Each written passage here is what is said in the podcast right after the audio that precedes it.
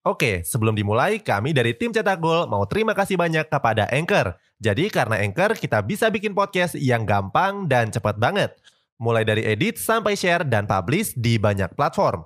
Mulai dari Spotify, Apple Podcast, sampai platform podcast lainnya. Aplikasi Anchor ini gratis, bisa di-download di App Store dan Play Store, atau kamu juga bisa akses di website www.anchor.fm. Jadi sekali lagi terima kasih kepada Anchor yang bikin Cetak Gol punya podcast yang bisa kamu dengarkan sekarang. Manchester United jadi salah satu klub dengan skuad terbaik di Inggris. Sayangnya beberapa di antaranya justru mengalami penurunan performa yang signifikan. Banyak yang menyebut kalau hal ini nggak terlepas dari gagalnya oleh Gunnar Solskjaer dalam menanganinya. Cetak Gol coba merangkumnya sebagai berikut.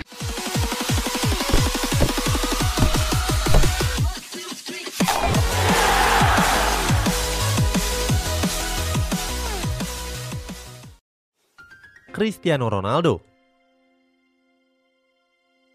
Manchester United boleh berbangga diri setelah memulangkan mantan pemain bintangnya yakni Cristiano Ronaldo.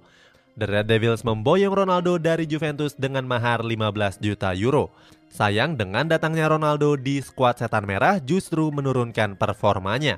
Hal ini terlihat dari catatan gol Ronaldo yang menurun secara signifikan. Dari lima pertandingan Premier League di musim ini, Ronaldo baru menceploskan tiga gol. CR7 mencetak dua gol ke gawang Newcastle United dan satu gol lagi ke gawang West Ham United. Artinya di tiga pertandingan terakhirnya Ronaldo belum kembali mencatatkan namanya di papan skor. Pada pertandingan melawan Everton, Ronaldo bahkan dimainkan sebagai pemain cadangan saja. Hal ini jauh berbeda dengan penampilan Ronaldo saat masih membela Bianconeri. Dari lima pertandingan pertama Serie A di musim kemarin, Ronaldo sudah mengoleksi 8 gol. Dari 8 gol tersebut, Ronaldo meraih brace pada laga menghadapi AS Roma, Spezia, serta Cagliari. Padahal sebelumnya Ronaldo sempat absen dua minggu karena terjangkit virus corona. Jadon Sancho Berikutnya ada bintang asal Inggris yakni Jadon Sancho. Serupa dengan Ronaldo, Sancho baru didaratkan ke Old Trafford pada jendela transfer musim panas yang lalu. Sancho diboyong dari Borussia Dortmund dengan transfer sebesar 85 juta euro, menjadikannya sebagai transfer termahal ketiga di musim panas ini setelah Jack Grealish dan Romelu Lukaku. Didatangkan dengan harga yang selangit, nyatanya Sancho belum tampil sesuai harapan. Mantan duet maut dari Erling Haaland ini dianggap kesulitan untuk mengeluarkan performa yang terbaiknya. Beberapa menyebut hal ini merupakan buntut dari bergantinya peran Jadon Sancho. Di bawah penanganan oleh Sancho diinstruksikan untuk tinggal di sisi kiri. Berbeda dengan Sancho versi Borussia Dortmund yang dibiarkan berkeliaran bebas di lini depan. Keterbatasan ruang ini membuat Sancho kesulitan untuk mencetak gol maupun menyumbangkan asis. Berseragam di Borussen, Sancho berhasil mencetak total 50 gol dan 67 asis. Sementara di Manchester United, Sancho belum menyumbangkan satupun gol ataupun assist. Oke, sebelum dilanjut, ada yang penasaran nggak? Gimana caranya bikin dan nyebarin podcast yang kayak gini? Nah, ini karena tim cetak gol pakai Anchor. Mulai dari rekaman, edit suara, tambah lagu, sampai drag and drop bisa kita lakukan sendiri pakai Anchor.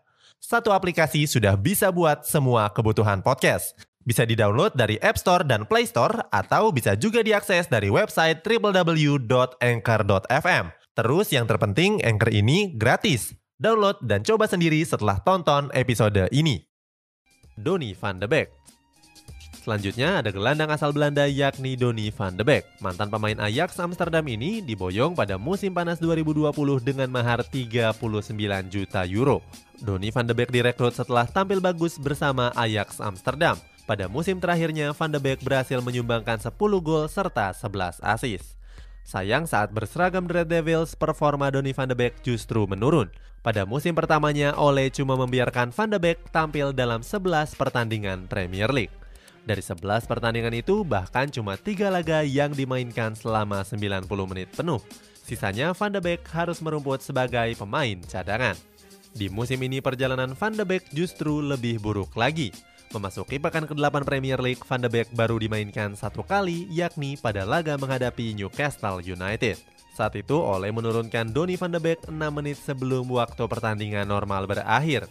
Berkat penurunan performa dan jam terbang ini, Van de Beek juga tersingkir dari timnas Belanda. Itulah sejumlah pemain yang performanya menurun di tangan oleh Gunnar Solskjaer. Bagaimana menurutmu? Apakah mereka harus pindah ke klub lain?